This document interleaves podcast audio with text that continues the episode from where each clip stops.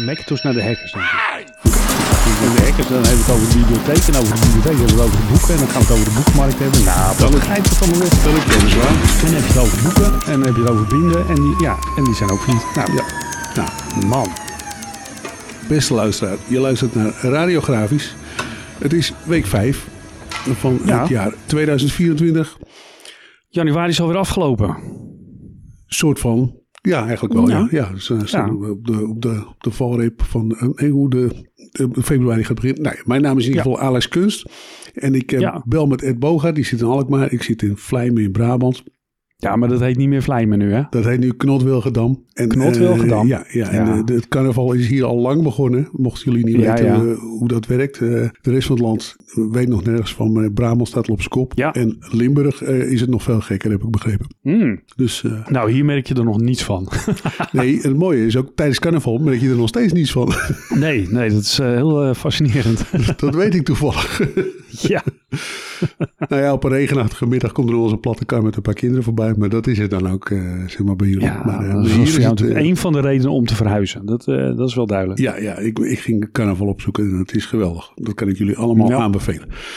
hey, we gaan het, straks een blokje faillissementen gaan we doen. Ja, helaas. Ja. Ja. we zullen het er toch even op, over moeten hebben. ja. De grote namen die, ons, die ons verlieten de afgelopen weken. zeker. Ja. Maar we moeten het eerst even hebben over het heugelijke nieuws dat de Macintosh 40 jaar bestaat. ja, de Apple Macintosh. Ja, ja, nou ja ik denk dat bijna iedereen zich eh, v- van toen of misschien van later de, die, de wereldberoemde commercial wel herinnert. Van die mevrouw die die hamer door het grote scherm eh, jaagt. En eh, daarmee aankondigt dat het eh, tijd is voor verandering. En dat de Apple Macintosh dat eh, gaat, eh, gaat eh, mogelijk maken. Ja, En nou ja, dat, dat was inderdaad op, eh, als ik het goed heb, 24 januari eh, was dat precies 40 jaar geleden. Dus we, we zijn al 40 jaar eh, aan het stoeien met, met de Mac. ja, En dat was toen natuurlijk een heel ding. Ik vond nog een klein stukje van het persbericht dat toen uitgestuurd werd. Waarin ze uitleggen dat je met een muis, en dat is een klein aanwijsapparaat, dat je daarmee functies kan selecteren in menus. Waar de, de functies in grafische symbolen worden weergegeven. Nou, dat zag er allemaal eh, fascinerend uit natuurlijk. En ik vond daar nog een filmpje. En ik, ik had het nog nooit gezien. Het zal ongetwijfeld al eh, vaker rond zijn gegaan. Maar van een hele trotse Steve Jobs met vlinderdas. Die, eh, die, die de Apple Macintosh onthult en laat zien wat, wat er allemaal wel niet kan. En dat laat hij in, nou ja, eigenlijk, eigenlijk een beetje ja, zoals Apple nog steeds zijn presentaties doet. Op een groot scherm laat ze de computer het woord doen, zeg maar. ja, ja. En eh, nou ja, ja, het publiek is, eh, is eh, ademloos, ademloos en verbaasd. En op een gegeven moment hoor je zelfs voor mij de computer zeggen dat, dat Steve is als een vader voor mij of zoiets. En het lijkt wellicht, we, we, rempel bijna alsof Steve daar een traantje van moet wegpinken. ja. Dus het, nou ja, ga, ga het even kijken. Ik heb het, ik heb het op de website gezet. Het is fascinerend om te zien. Nou ja, ja, wat je er ook vindt. Ik, ja, zelfs ik kan me nog eh, mijn moment met dat de eerste Mac verscheen, zeg maar, op, eh, op de MTS in Amsterdam. Oh, je hebt op de grafische ja, gezien. Ja, ja, da- en daar leerden we nog wel programmeren. Dus we zaten nog wel, ik meen in Cobalt, Cobol. Kobol? ik weet het niet meer. Ja, dan Wow. dan moesten dingen programmeren. Ja. En op een gegeven moment stond daar dan één Mac in het eh, computerlokaal. En dat, dat, dat was een beetje zo van, nou, ja, dit, dit is de toekomst. Dit gaat hem worden. Ja, ik Maar ja, nie- niemand die daar verder nog iets mee kon of deed, zeg maar. Maar ja, hij, hij was er wel al. En ja, dat, dat zal niet heel lang na 84 zijn geweest. Hoewel, Ja. nou ja, ik kwam in 86 daar op school. Dus nou ja, laat het dus vier, vijf jaar later of zoiets eh, dat daar een eh, Mac stond. Ja, ik zag hem pas eind jaren tachtig bij, eh, nou, bij de drukkerij waar ik toen werkte. Toen, Ja. die, die waren heel druk met innoveren bezig, eh, met data en zo. Dus er stond ook zo'n eh, zo'n Mac. Maar ze konden ja, hij stond daar wel, maar ze deden eigenlijk niet zo heel veel mee. Het, het, Nee, nou ja, wij, wij hadden ook net het lood ingeruild voor een fotozetmachines van ik meen CompuGraphic, als ik het uit mijn hoofd zeg. Ja, die Ja, hadden wij dus eh, wij waren inderdaad aan het eh foto zetten. Maar Ja. dan eh, ja, allemaal met codes en eh, op hele grote apparaten waar dan een filmpje uitkwam. Waarvan je hoopte dat je had aangegeven dat, dat, wat kapitaalvet en eh, hoe groot het moest worden. Maar meestal eh liepen al die letters door elkaar en eh, ja, overnieuw. ja, dus dat, dat heeft de Mac allemaal wel een stuk makkelijker gemaakt. Dat moet ik toch wel eh, toegeven. Ja, nou ja, en even 40 jaar fast forward naar nu. Eh, nu eh, zitten we in de wereld van de hackers. Dat Ja. zijn eh, criminelen die proberen... of, Trouwens, zijn niet eens altijd criminelen. Soms zijn het gewoon hobbyisten. Of Ja, maar de hackers waar we het hier over hebben zijn toch niet... zijn toch echt criminelen, ja. ja. Die hebben niet veel goeds, goeds in de zin. Ja, ellende. Ja, de- in, in Engeland ligt de British Library, dus ja, zeg maar de koninklijke bibliotheek zoals we die hier hebben. Die ligt al sinds eind vorig jaar ligt die plat. Die is eh, gehackt door een, ja, door, door, door zo'n collectief. Ik weet niet eens welke naam deze, deze gebruiken om zich eh, te manifesteren. Maar in ieder geval, eh, het is nou, letterlijk een zootje nu in het eh, digitale systeem van de bibliotheek. Dus het, het is heel moeilijk om daar nog het archief nu online te, te raadplegen en, en dingen te bestellen en eh, boeken te reserveren en dat soort dingen. Dat is allemaal eh, nou ja, eigenlijk niet meer mogelijk. Ze zijn geloof ik weer heel voorzichtig nu aan het opstarten, maar ze denken echt dat het nog een jaar duurt voordat alles weer een beetje eh, functioneert zoals voorheen. Dus het is echt wel, echt wel heftig. En ja, ze, ze weigeren, althans de Financial Times, de krant daar, die, die schrijft dat ze weigeren om eh, 600.000 pond aan, aan losgeld te betalen. Ja. Maar ja, daar heb je dus echt een enorme bak ellende van. En ja, ja het, het is eh, natuurlijk vaker eh, raak. Maar ja, wij letten dan maar extra een beetje op de, op de grafische industrie. En ook daar, eh, ook daar is het raak. Want eind vorig jaar, of begin, ja, nee, eind vorig jaar geloof ik. Maar begin dit jaar maakte Xerox bekend dat ze ook eh, eh, gehackt waren. Of tenminste, die, die hebben dan, zeggen ze, een hackaanval op tijd ontdekt. bij, bij een dochterbedrijf, Xerox Business Solutions. Dat was een cyberaanval. Nou ja, die, die hebben ze tijdig ontdekt en onschadelijk gemaakt. Maar toch was er persoonlijke informatie eh, eh, eh, gestolen. Dus ja. Dus ze waren wel degelijk gehackt. Ja. Dus ze waren gehackt inderdaad. Maar ja, goed, kennelijk hebben ze het in ieder geval... De schade weten te beperken. Ja. ja, in ieder geval tot, tot dat bedrijfsonderdeel. En dan ook nog tot bepaalde servers of dat soort dingen.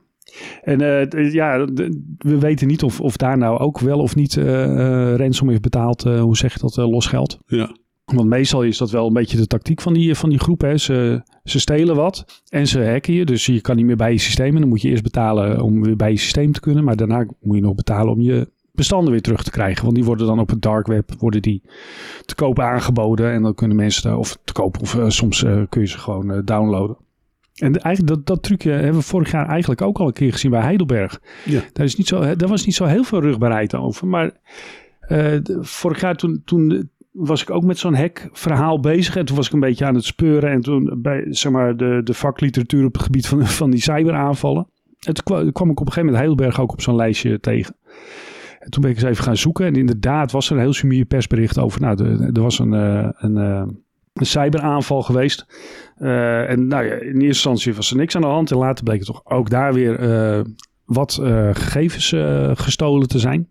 En eh, ik ben toen een beetje gaan zoeken. En eh, ik vond ook een site waar, waar inderdaad bestanden van, hè, waar, waarvan stond dat het Heidelberg gegevens waren, die zou je kunnen downloaden. Nou, dat heb ik uiteraard niet gedaan. Maar ik vond wel zo'n informatiesite dat het toch gegevens zouden zijn van ruim 1600 medewerkers en van, eh, van iets van eh 40 of 50 klanten van Heidelberg. Waar gegevens van gelekt zouden zijn. Nou ja, ik ben dat bij Heidelberg gaan navragen. Maar ja, de, de- ja nee, die, eh, die geven daar geen commentaar meer op. Eh, dat, eh, ze, ze hebben het in handen van de politie gegeven. En ze, ze gaan ons verder niet informeren over wat wel of niet klopt aan die zaak. Ja. Maar ja het, het- ja, het geeft maar aan. Het is natuurlijk heel kwetsbaar. En nou ja, zeker bij zo'n bedrijf als Heidelberg denk je dan meteen van ja, het gaat natuurlijk steeds meer in de cloud. Weet je, eh, hè, met de, de, workflow in de cloud en eh, die persen worden via de cloud allemaal eh, gemonitord en geanalyseerd en dat soort dingen. Je moet er toch niet aan denken dat dat soort systemen op een gegeven moment plat gaan of onbereikbaar worden. Of, maar goed, ik neem aan dat Heidelberg daar ja, strikt beleid op voert. Maar ja, het geeft je toch bij dit soort verhalen soms wel een beetje te denken inderdaad. Maar wat vind je daar nou van dat Heidelberg geen commentaar geeft op vragen? Ja, dat gaat natuurlijk vaak in dit soort eh, semi-criminele zaken. eh, willen ze niemand wijzer maken over wat er wel of niet gaande is. Ja, ik, ik kan me voorstellen dat je er met openheid toch ook wat eh, meer mee bereikt. En mensen in ieder geval daar veel bewuster van, van maakt. Ja, ik zou denken, als ik een leverancier heeft, eh, die is gehackt en hij wilde niks over vertellen, dan zou ik denken, hij heeft zijn zaken niet op orde. Want kennelijk, Hmm. ja, Nou. ja, ja, sorry, maar Ja, Ja, dat- ja, als je het niet wil vertellen, dan denk ik over het algemeen... oké, waarom wil je het niet vertellen? Kennelijk eh, heb je iets te verbergen of zo. Of, eh, eh, ik, de, de gedachte bij veel ondernemers is van... ja, als ik erover vertel of als ik toegeef dat ik gek ben... dan lopen mijn klanten weg, want die vertrouwen me dan Ja. niet meer. Maar ja, ik zou juist denken, eerlijk gezegd als ik klant was... van ja, ik vertrouw ze niet meer. Nee, niet dat ik zeg dat je Heidelberg niet moet vertrouwen, dat zeg ik niet. Heb, heb ik ook niet gezegd. Dat zal ik ook nooit zeggen. nee, duidelijk. Tenzij ze onbetrouwbaar blijken te zijn. Maar, eh, Ja, maar ik vind bedrijven die eh, daar heel hush-hush over doen. Ik hou er niet van. Dus eh, Nee. toch? Maar goed. Hey, we waren net even bij de National Library. Nee, de British, British Library.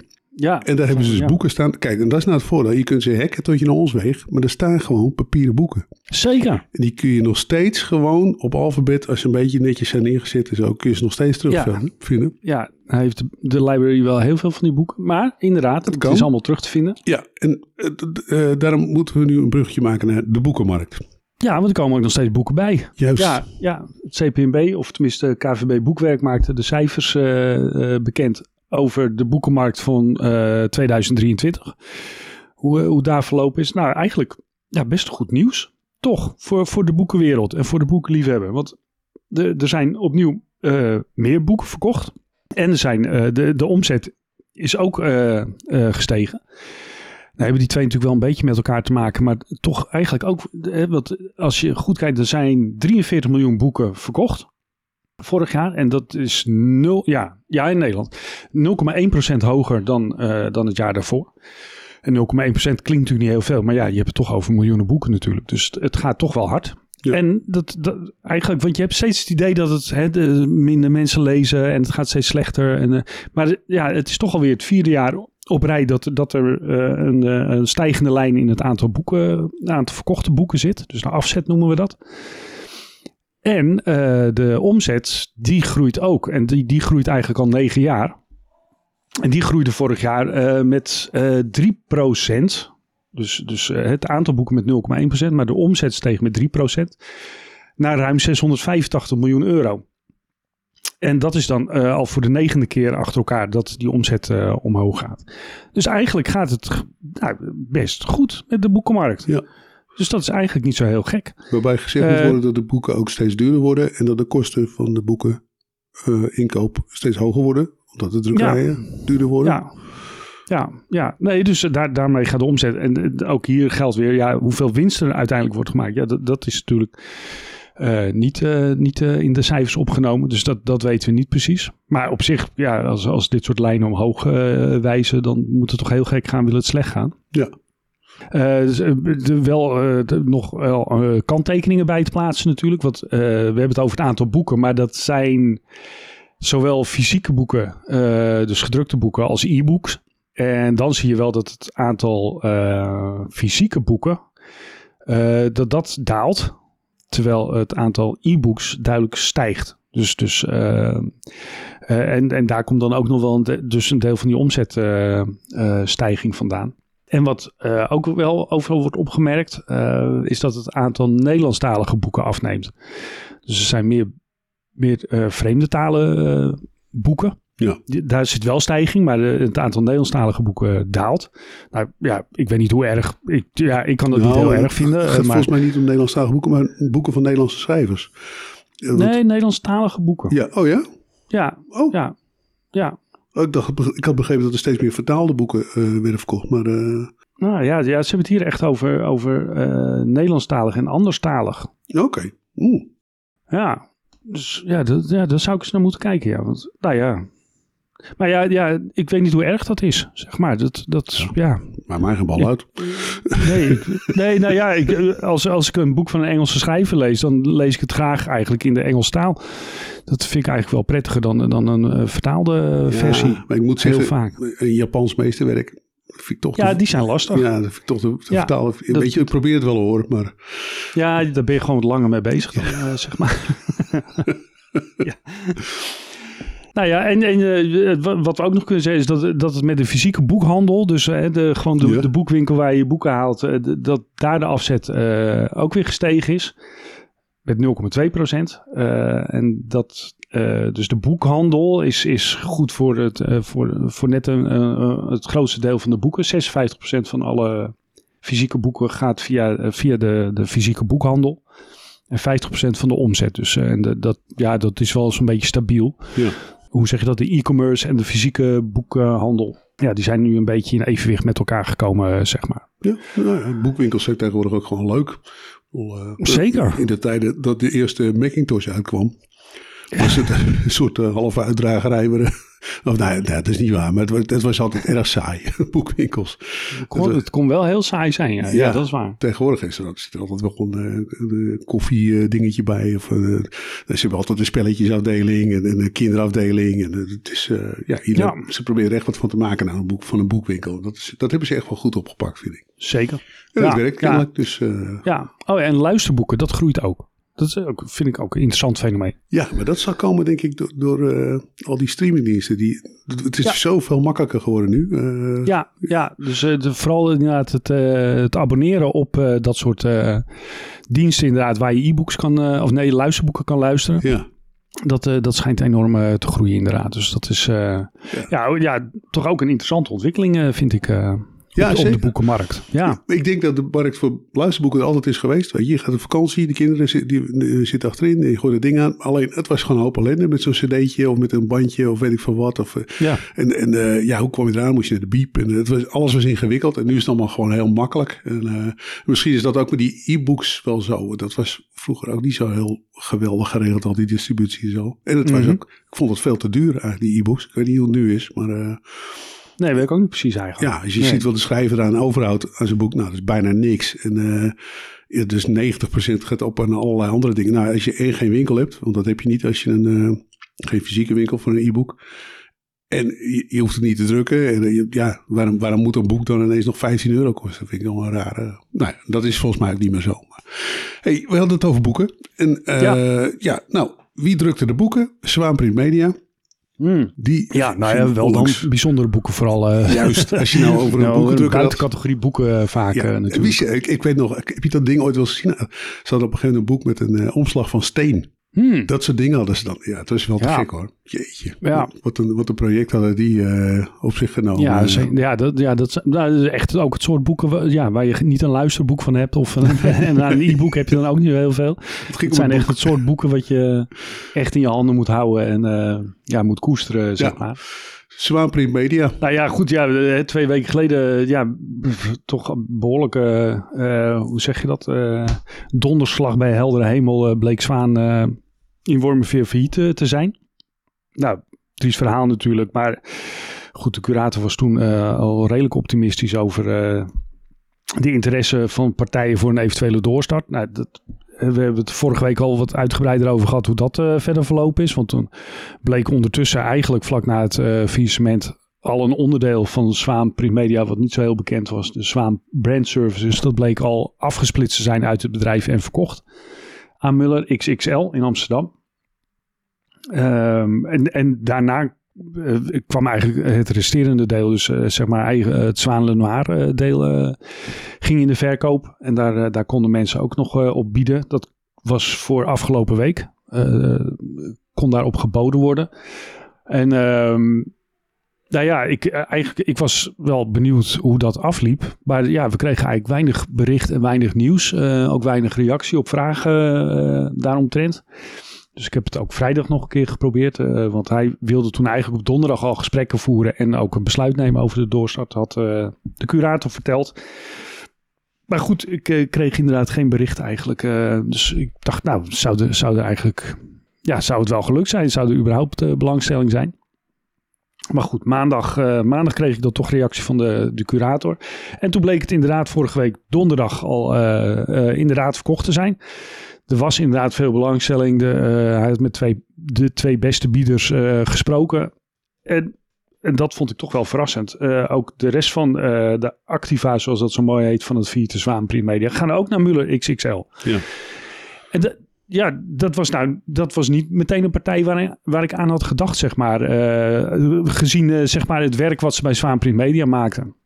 En ja, waar ik Muller XXL van ken, zeg maar. En dat, is- ja, dat is toch het, het zeer groot formaat. eh, een mainstream drukker eigenlijk. Of ja, een zeer groot formaat is nu, en het was een mainstream drukker, zeg maar. Nee, ooit, maar, m- ja, ja, Visual. maar dat was nog in de tijd van Muller Visual, eh, Ja, zeg ja, maar. En, ja. en toen deden ze ook wel aan, aan zeer groot formaat. Maar ja, dat was natuurlijk ja, gewoon een commerciële drukkerij. En geen kleintje ook.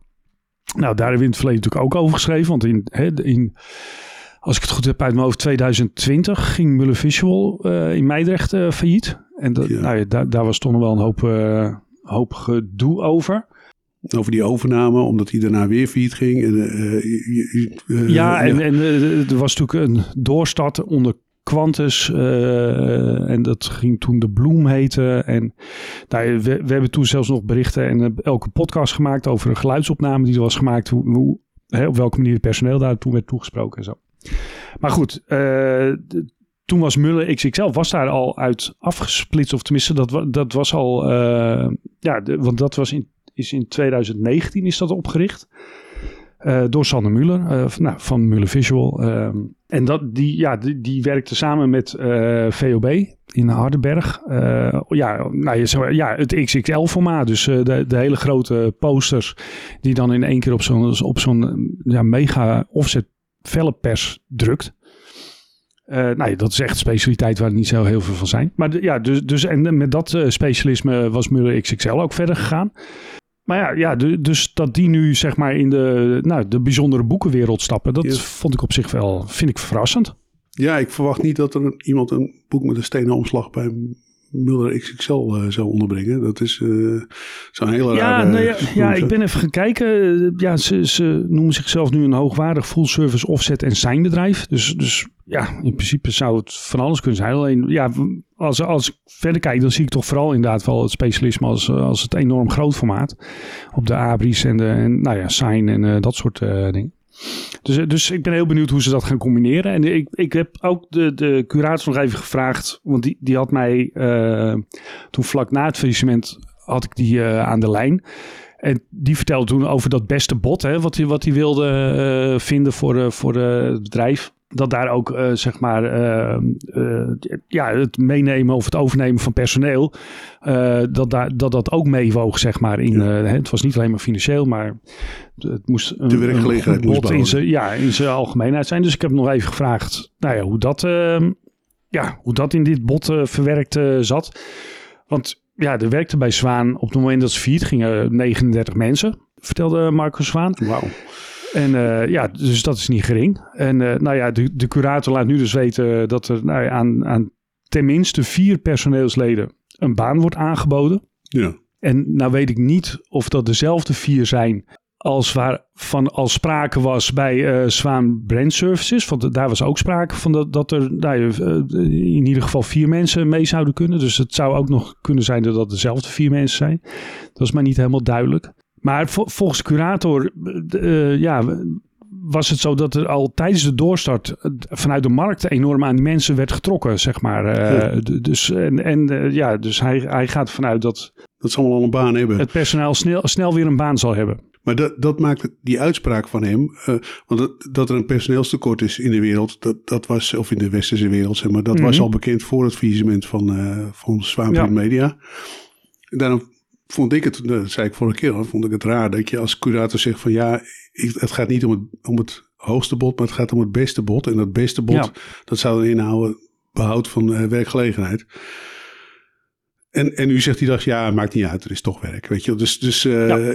ja, ik, ik vind deze curator niet de helderste, zeg maar, die ik ooit eh,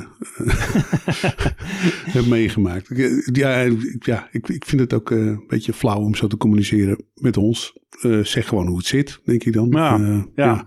Want dit is best wel onbegrijpelijk allemaal wat er gebeurt voor buitenstaanders. Zo'n leek zoals ik, eh, als, je, Ja, als je niet gepokt en gemijzeld in het eh doorstartwereldje bent. ja en sowieso in, in de grafische wereld. Hè, want eh, buiten, buiten de, het grafische is er eigenlijk weinig berichtgeving ook over, over, deze, Ja, over dit faillissement, zeg maar. eh. we hebben vorige week wel nog één lokale krant eh, gezien die, eh, die ook bericht heeft over, eh, over het faillissement van, eh, van Zwaan. Ja en die... Eh, en wat die was dat? eh, Saans Nieuws? Saans Nieuws, geloof ik. Saasnieuws.nl of Saans Nieuw. Nou ja, wil ik even vanaf zijn. Maar, maar in ieder geval, eh, die, die, eh, daar zagen we op een gegeven moment inderdaad wel berichtgeving. eh, keurig onder vermelding van eh, de, de bronvermelding, de grafische vakpers. Dat, eh, wat zeer werd gewaardeerd. Ja, heel even tussendoor. Dat, was- dat was tof. We werden gemeld als bronvermelding. Eh, En dat, dat, wat, eh, dat is ja, eigenlijk een journalistiek gebruik. Als je een bron gebruikt, dat je die ook vermeldt. Ja, Dat is bij journalisten zo, zeg maar. Bij sommige vakbladen is dat niet zo. ja. Dus daar kun je ook het afleiden dat dat allemaal een stuk minder journalistiek is. die schrijven gewoon Heel lekker over wel. wat je, nou, bijvoorbeeld hier in de podcast zit te kletsen. En die, eh, die zeggen dan niet waar ze het vandaan hebben. Die doen net alsof ze het zelf allemaal eh, hebben bedacht. En dat, eh, ja, ik moet toch wel even zeggen. het mag. Er is geen wet die dat verbiedt en zo. Je hoeft Nee. nooit bronnen te vermelden. Maar chic is het bepaald niet. maar goed. Nee, eh, dus, dus het was leuk om dat een keer in de krant eh, terug te zien. ja, nee, maar ik ga me nu toch nog even verder richten tot de luisteraar. Want nu het om, wij doen dat dus wel. Als, eh, kijk, we hebben bijvoorbeeld op de website een, een rubriek die heet de knipselmap. Daar staan alleen maar dingetjes in die we ergens lezen en zo. En dan verwijzen we keurig naar de Telegraaf of de Volkskrant of Print Business of Print Week of Grafisch Nieuws. En dan verwijzen we keurig naar de bron. En eh, ja, dat is, bij deze beloven we dat en dat hebben we ook altijd gedaan. Als we iets ergens vandaan halen, zullen we altijd zeggen waar we het vandaan hebben. Zo is het.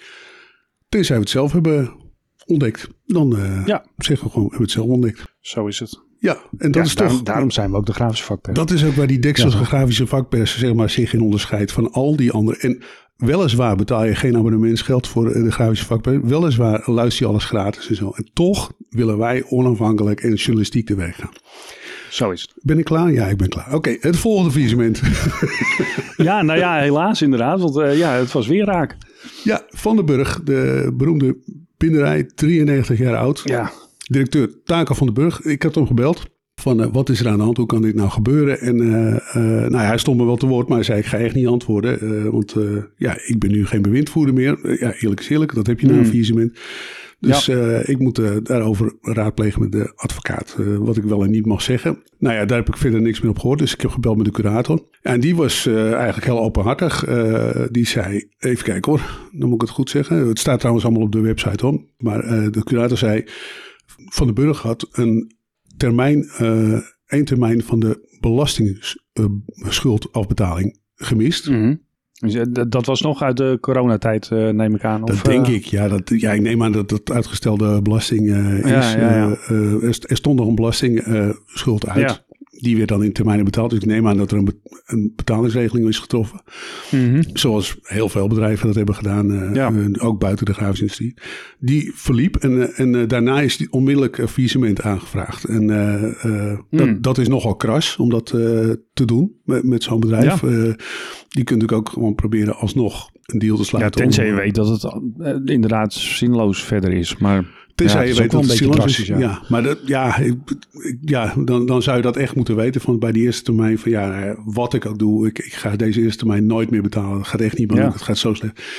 Eh, wat nog krasser was, was dat een week voordat dat faillissement was aangevraagd, eh, was de productie al gestopt. Dus, eh, Oh. ja, dus er werd al niet meer geproduceerd bij Van den Burg. En ja, curator zei van. De, dus, en, oh ja, en de, daarbij moest ik, dat moet je vragen altijd. Hè, eh, wat is er nou eigenlijk failliet gegaan? En dat was Mhm. dus het klantportfolio en het personeel, zeg maar. Dus het personeelsbestand. Pand en de machines vallen onder andere bij V. Ja, ja, oké. Ja, en toen zei ik ook, oké, dus dan kan een partij dat klantportfolio eh, overnemen. Ja, mits daar nog wat van over is. Want als die Ja. klanten al een week niet meer geleverd kregen, dan eh, zou het kunnen zijn dat ze al ergens anders zijn uitgeweken.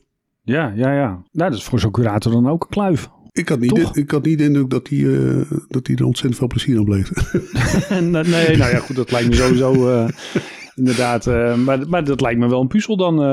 Ja, nou ja, kijk, en wij weten natuurlijk helemaal niet wat er nou allemaal speelt. En misschien is het wel allemaal noodzaak en, en zijn er allemaal gegronde redenen om het zo aan te pakken. Maar ja, in het verleden is door andere bedrijven is dit wel ge- gebruikt, zeg maar, om, om, ja, om, om zeg maar, van je belastingschuld af te komen Hmm. door een faillissement. En dat heette dan eh, vroeger met een mooi woord de sterfhuisconstructie. Waarbij je, be- ja, je klant, klanten via een omweg eh, op een andere manier kon bedienen. Zodat je ze kon houden. En dat je, ja, dat je weliswaar failliet ging. Maar dat je er gewoon eigenlijk geen stuiver eh, verlies van draaide. Mm. Sterker nog, je bespaart eigenlijk een gigantische hoop geld. Doordat je je belastingschuld niet meer hoeft af te betalen. ja, ja. Nou, Hmm. ik kun niet zeggen dat het hier aan de hand is. Eh, nou ja, ik neem aan dat zo'n curator dat soort dingen gaat uitzoeken in ieder geval, eh, toch? Ja, ja als, dat, als dat, dat vraag ik me dan af. Is, de- is dat nog te achterhalen, zoiets? Hè? Of, of dat nou eh, met opzet gebeurt of, of niet met opzet? Of, als je Nou ja, volgens mij kijken ze altijd wel naar hoe, hoe dat tot stand is gekomen. Ja, en wat voor acties er in de aanloop naar zo'n faillissement zijn ondernomen. ja, ja. Ja, je, daar heb je natuurlijk altijd wel een verantwoordelijkheid in. Dus, dus ja, ik ga ervan uit dat dat ook in dit, eh, dit geval goed uitgezocht gaat worden. Maar ja, ook daar weer, eh, wat is het, 17 mensen? ja, Die 17 daar mensen. toch, ja, want dat ja. was Van den Burg, binderij en eh, Alu, eh, hoe heet die, Alupak of... eh, Balupak staat. Balupak, dat, dat, is, dat is een onderneming waar, heb ik verder niks van terug, kunnen terugvinden. Er is ook geen Nee. website van of zo. Dat was geloof ik het logistieke deel of zo. Ik, ik begrijp niet Ja, helemaal. ja. Daar werkten vijf mensen.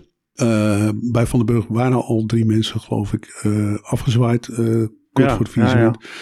Dus ja, deze mensen staan toch echt op straat en kunnen Ja, ze melden bij het Maar ook wel weer zonde, hè? Ook weer, toch wel weer zo'n naam in de industrie. Ja, en, de- maar je kunt je ook, zijn er nog wel zelfstandige binderijen? Het, eh, Mhm.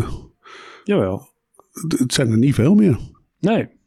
Nee, dat klopt. Nee, dat is... eh, het was sowieso al een redelijk unieke eh, vak aan het worden, zeg maar. En het wordt natuurlijk steeds door, door steeds meer drukkerijen ook zelf afgewerkt en gebonden. Ja. Dus het, het is steeds lastiger om dat als zelfstandig eh, te doen. Hoewel je natuurlijk ja, nog steeds daar een goede functie in kan vervullen natuurlijk. Als specialist. En, eh, maar, maar ja, het, het, is, eh, het is een moeilijk vak. Ja, zeker in deze tijd. Want, want ja, Ja. Je, je weet, eh, nou ja, de binder zei vroeger altijd bij ons in de drukkerij. Wij zijn altijd het, het afvoerputje. Je komt als laatste aan de beurt. Dus alle deadlines zijn al verlopen. En dan komt het, eh, Ja. dan komen de katernen bij de, bij de binderij aan. En Ja. die moet dan zi- zich helemaal uit de naad werken. Eh, ja, je moet maar hopen dat de drukker alles in de juiste volgorde aanlevert. En eh, dat de coalitieerblokjes goed staan. En, eh, eh, Zeker. dus het is best wel eh, een lastig vak. Je, je moet, eh, de communicatie moet van jou. Jij moet steeds activiteiten ondernemen van kun je het zo doen, kun je het zo doen. Zodat ik makkelijker kan afwerken. Dus- En dan hopen dat, dat, eh, dat de drukker dat ook gaat doen. En Ja. ja. ja, er moet een afstand worden overbrugd van de drukkerij naar de binderij. En weer terug. Of naar een ander distributiepunt. Het is Ja. een ontzettend eh, lastige tijd voor binders, lijkt mij. Dat is het al heel lang eigenlijk. Ja. Dus ja, en, en eh, natuurlijk, daar gaan ze knijpen met de prijs. Dat is natuurlijk ook nog het allerergste. Ja, je, Ja. Ja, je ziet ook achterin, de, als de kosten omhoog lopen in de drukkerij. Ergens moet je dat terugverdienen. Dus eh, dat doe je nou bij de binderij. Ja, maar ja, ja, maar ja, je zou zeggen als de bindcapaciteit steeds verder afneemt, zou je sterker moeten komen te staan. Maar goed, ja, het- het blijft natuurlijk, het blijft een heel lastig samenspel.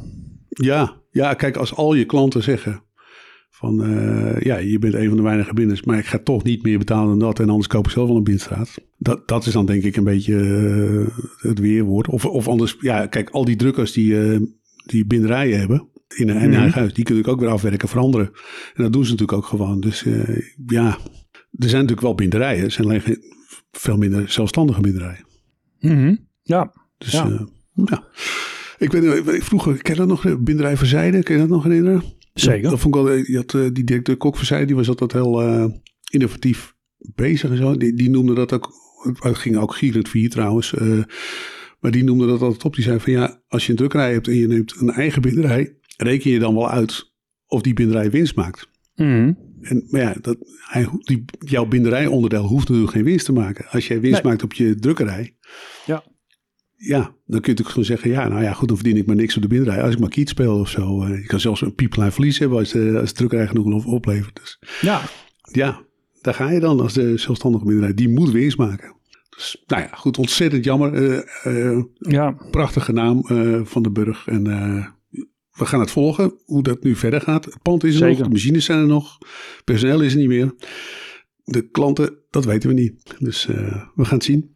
ja, ja. Zeer benieuwd. Nee, we gaan het eh, de komende tijd sowieso volgen. Ja, nou, eh, ik zie jou morgen, want dan gaan we, Ja, dan gaan we overleggen. maken. Ja, eh, heb, heb jij... heb jij eigenlijk voldoende campingspullen op dit moment eigenlijk?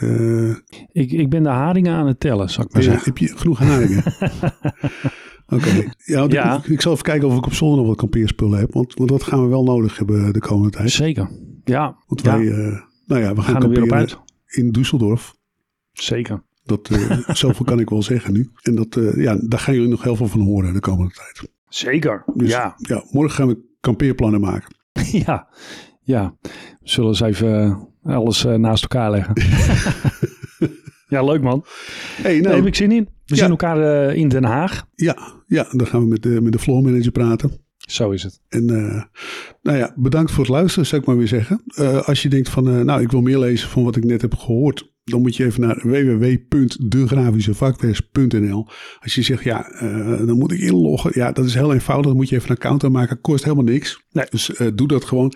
Als je deze podcast leuk vindt en je denkt, nou, ik wil hem vaker horen, maar ik, ik ben er niet op geabonneerd, abonneer je dan gewoon wel. En uh, ja, hou ons uh, in de gaten op uh, LinkedIn en op Facebook. Daar posten we ook. En, maar ja, het echte harde nieuws staat op de website. Uiteraard. Dat is waar het gebeurt. Dus word lid en vertel dat voort. En ja, ontzettend bedankt voor het luisteren. Ja, tot de volgende. Tot de volgende.